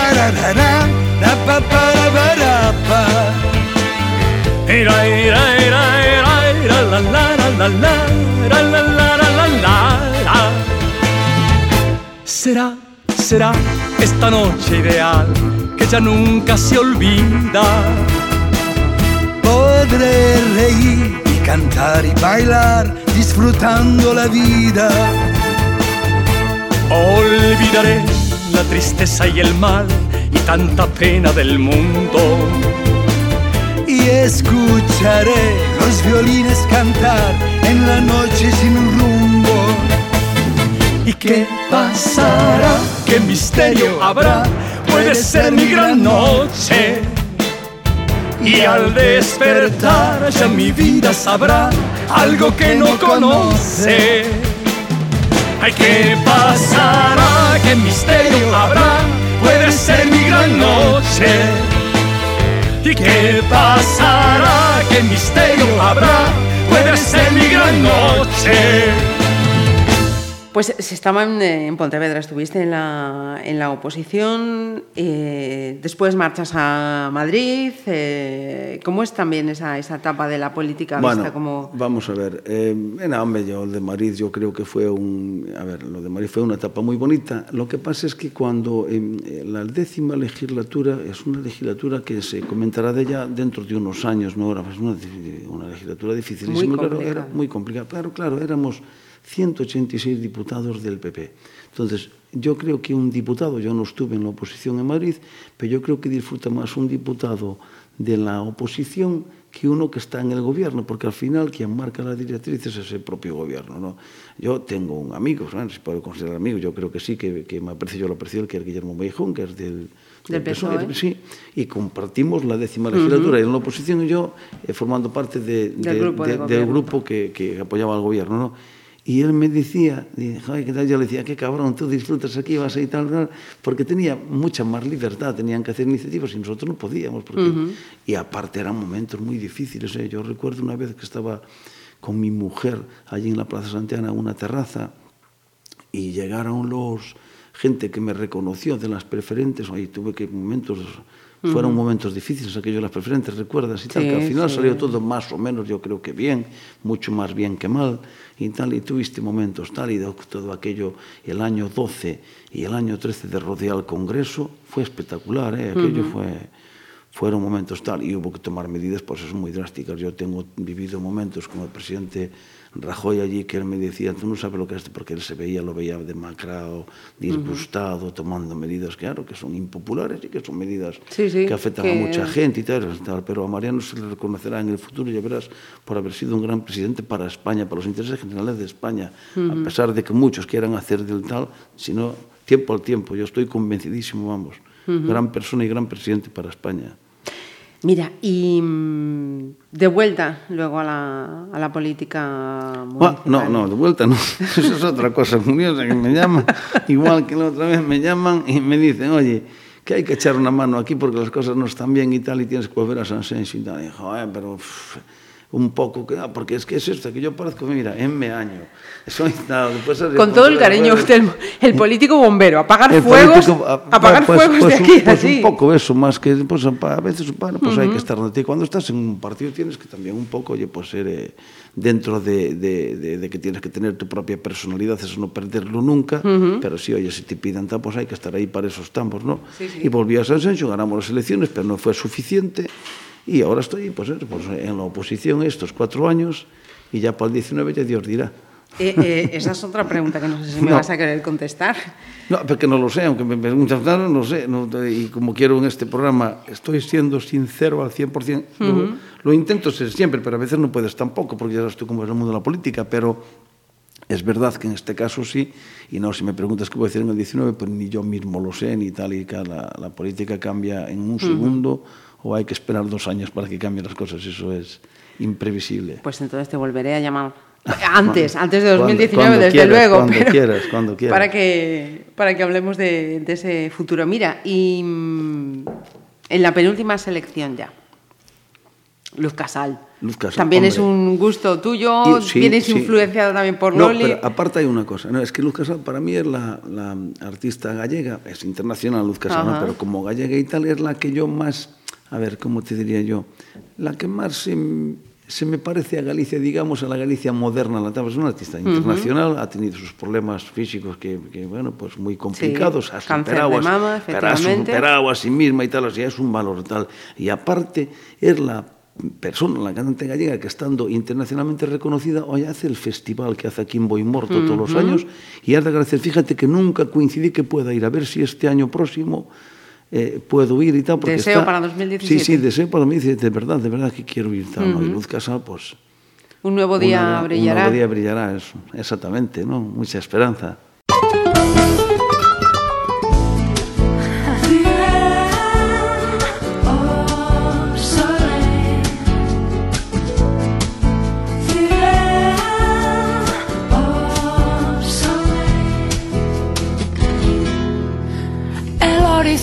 Horizonte se perfila oscuro sin opción. Dos cuerpos que antes fueron uno rompen esa unión dejaron paso a la indiferencia y decepción.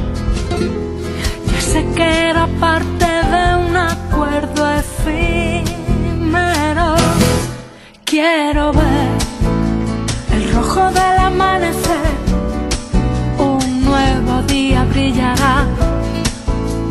Se llevará la soledad. Quiero ser el rojo del amanecer, el sol de nuevo brillará, se llevará la soledad que en mí se quiere instalar. Acuden a mi mente imágenes de ti, de mí, son tan intensas y reales que me hacen sufrir. No sé cómo consigo soportar la situación de un juego con final previsto entre tú y yo.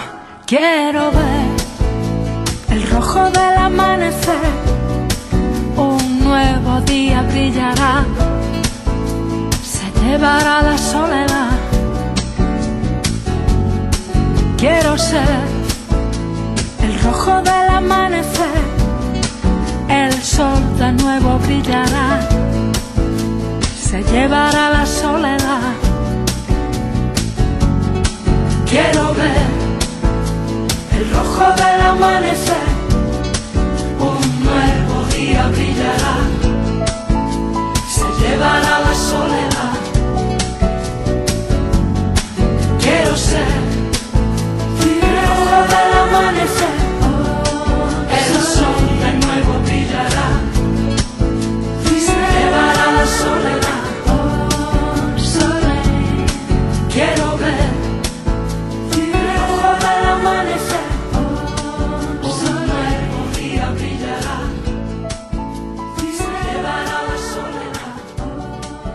Fíjate que estaba pensando eh, cuando escuchábamos esto que ha habido un momento de esta entrevista en el que decías cuando te habían llamado para ser alcalde de, de Pontevedra que lo habías consultado con tu Candidato, con tu candidato. mujer. Perdón, efectivamente. Eh, lo habías consultado con tu mujer Sí, eh, claro. y, tu, y tu hija. Em, todas esas decisiones de, de Telmo, Martín, eh, de todo tipo, son muy, muy, muy asamblearias, ¿no? Que tienes muy, por muy supuesto, presente, muy, hombre. muy presente cualquier decisión que tomas, como puede influir en, en tu hija y en tu mujer. Y te voy a contar lo que pasaba. En el caso de, de Pontevedra, eh, casi hubo unanimidad, pero no, mi hija sí quería, mi hija le gustaba, mi hija estudió y sus amigas, mi hija es como si fuera de Pontevedra toda la vida, no lo es PTV porque no lo seremos nunca, no, no lo seremos nunca porque no, porque no podemos tener asociación porque no es verdad, entonces sería un tal, no tengo nada en contra de eso, pero es verdad que mi hija sí se considera una mujer de... De Pon- Pontevedra. Sí, sí, de casino, de amigas de Pontevedra, de- o sea, de Pontevedra parece que de toda la vida, ni que viviéramos y naciéramos aquí, no. Entonces ella encantada y tal, ¿no? Y tiene- mi hija tiene ahora 25 años, acaba de terminar su carrera, estamos encantados. Estudió aquí primero en las Doroteas y después en el, en el Valle Inclán, le vino muy bien todo eso, la formación que tuvo de, de, de pequeñita, adolescente. Después pues, eh, en el Instituto Valle Inclán le vino de maravilla para la carrera que hizo ella. Una carrera ¿Qué hizo? terciaria. Hizo Ingeniería de Caminos, Canales y Puertos en la Politécnica, Caramba. en la Politécnica de Madrid, que es una escuela de mucho prestigio y también muy dura. ¿eh? Yo le llamo mata personas porque, sí, sí, porque tiene, lo tiene pasado muy mal, porque hoy es una carrera de seis años y bueno. Pero bien, ¿no? Que estamos muy contentos. Y ella influía mucho en el tema, ¿no? Pero su madre también un poco tal, ¿no? Después la etapa de no dejarlo ya, de, de no haber rematado la etapa siendo diputado y haber pasado lo de Pontevedra ya, pues todo eso terminar ahí, pues la verdad es que no gustó mucho y tal, ¿no? Pero bueno, mi hija me apoyó, mi mujer un poco menos y volvimos, hombre, porque ya llegó un, un tiempo, bueno, a ver, yo comprendo de que eh, un político tiene que tener la suficientemente aguante y fuerza para que cuando viene la crítica dura, a veces injusta, tiene que estar preparado pero no así la familia, ¿no? Entonces mi familia ha sufrido muchísimo, pero no solamente mi mujer y mi hija, sino mi, mi madre, mis padres, han sufrido con el tema de las injusticias a veces que se cometen, que después con el tiempo se demuestra que es mentira, pero oye, pero ese momento es así y tienes, es el peaje que se paga por estar en la, en la política, pero ha- hago sufrir yo a los demás por culpa de yo tomar una decisión por un tema pues, más personal, ¿no? Si tú quieres. Pero bueno, ya está y estamos ahí, O sea, a lo tienes, bueno y a lo malo. tienes una ingeniera que Bueno. mm, dará continuidad. tiene- no, ingeniero tiene que formarse más. una- teóricamente sí, y en título también, pero ahora hay que luchar en la vida, lo que digo siempre. ¿no? Y yo creo que los chavales jóvenes, cuando hay que, yo creo que, eh, a ver, eh, sufrir no es bueno, pero si hay que sufrir, es mejor sufrir de joven que sufrir de mayor. Es un camino que ya tienes sabido y aprendido. Exactamente. Y cuanto entonces antes lo pases, mejor. Exactamente, y vas a cometer menos errores en el futuro si, si da. Entonces los jóvenes que disfrutan mucho tal y ya vendrá tiempo tal, a lo mejor después es tarde y sufrir de mayor, no es lo mismo llorar con 25 años que con 55. Mm, Que también se llora con 55. que también se llora ¿eh? con 55, pero no es lo mismo, por las causas que estamos diciendo. de- Ujú, Sí, sí. Eh, decías, ya veremos lo que pasa con la política. Y con el Telmo empresario, yo, yo te veo, vamos, con las botas Pues puestas mira, hasta el pues último día. El tema empresario, hombre, pues sí, porque eso es una cosa que nace con uno. Bueno, Yo me planteo siempre en la vida como unos retos por años, no por etapas. ¿no? Ahora, por ejemplo, me planteo, yo tengo, ahora acabo de cumplir 58 años y entonces lo que, lo que me planteo es tener 10 años ahora mismo, pues eh, con fuerza, con ganas y con ilusión y tal. Y en eso estoy. Bueno, no ahora, ya lo hice con 55, me planteo una serie de temas para decir, llegar a los 65, a ver si no tengo que tal y puedo. Y entonces te marcas unas etapas, unos caminos para llegar, bueno, unos objetivos para tratar de llegar a ellos, ¿no? Nosotros tuvimos una etapa mala en esta crisis porque hemos tenido que hacer el primer ERE instintivo de la historia, despedir gente, gente que lleva contigo 30 años y allí llorando todos en la cosa diciendo, joder, pues ha llegado, tal, pero oye, olle, pois son así las circunstancias, pero non de, eh, derrumbarte del todo ao 100%, y por tanto, hemos abierto ahora una planta en México, estoy viajando mucho a México para intentar buscar mercado ahí, y, bueno, y luchando, y no tirar la toalla, como digo yo, si no, es, eh, si no pues eso no va conmigo, eso sí que no va no, conmigo, no, no, tienes... Es duro, difícil, pero con ganas y con fuerza tal, y que Dios me dé ayuda para, oye, pues si viene mañana pues un accidente, una enfermedad, cualquier cosa, pues igual te tienes que retirar obligadamente, pero si, si Dios me da salud y, y sigo tal, pues con ganas y con fuerzas para esta década también, y después mm. ya Dios dirá. Pues es un buen momento para, para hablar de propósitos que se cumplan, Telmo, porque además nuestra, tu última eh, selección, la despedida de esta playlist, va a ser muy acorde con el momento. Nos ha faltado, es porque hay que decir que a Telmo le gusta mucho la música clásica, nos lo decía antes de entrar al estudio, pero eh, ha elegido estas otras cosas. Pero bueno, lo vamos a decir, le gusta la música clásica. Y ha elegido nada más y nada menos que a los tres tenores para terminar esta playlist con el tema propio de estas fechas, ese feliz eh, Navidad.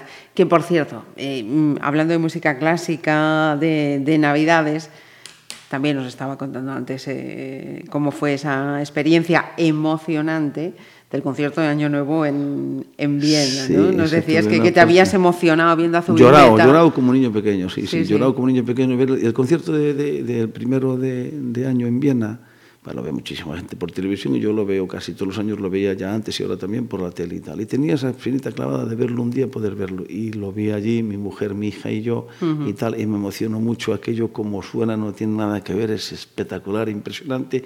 Y yo creo que entró un poco el verlo siempre por la tele y verte tuyo de dentro allí, del meollo allí de tal, y, y- y lo bonito que suena todo aquello y las formas de aquella orquesta y tal, pues eso, pues rompí a llorar y estuve llorando casi todo el concierto.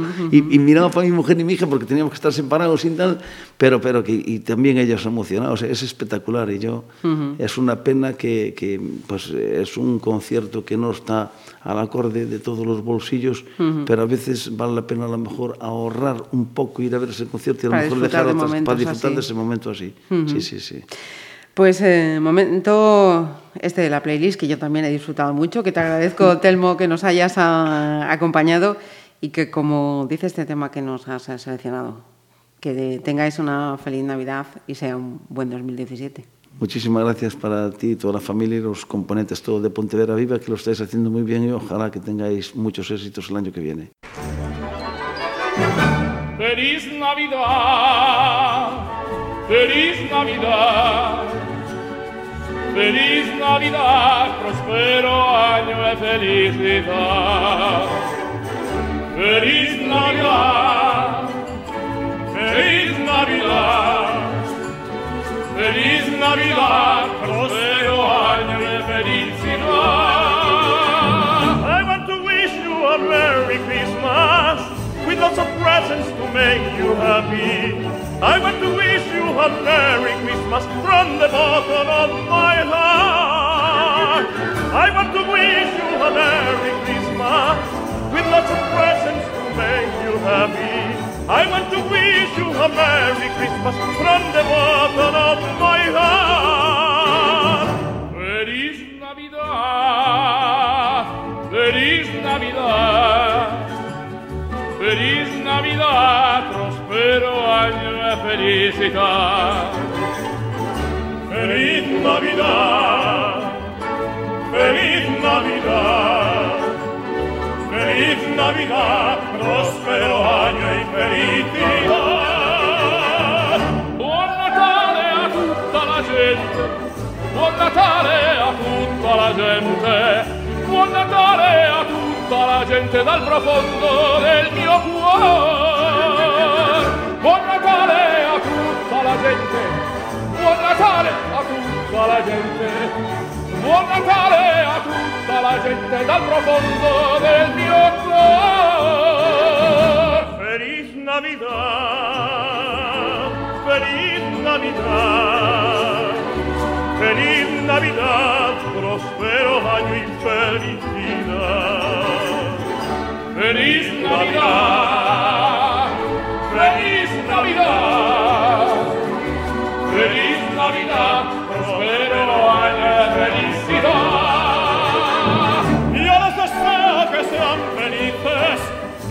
deseo que sean felices y yo les deseo que sean felices con todo mi corazón.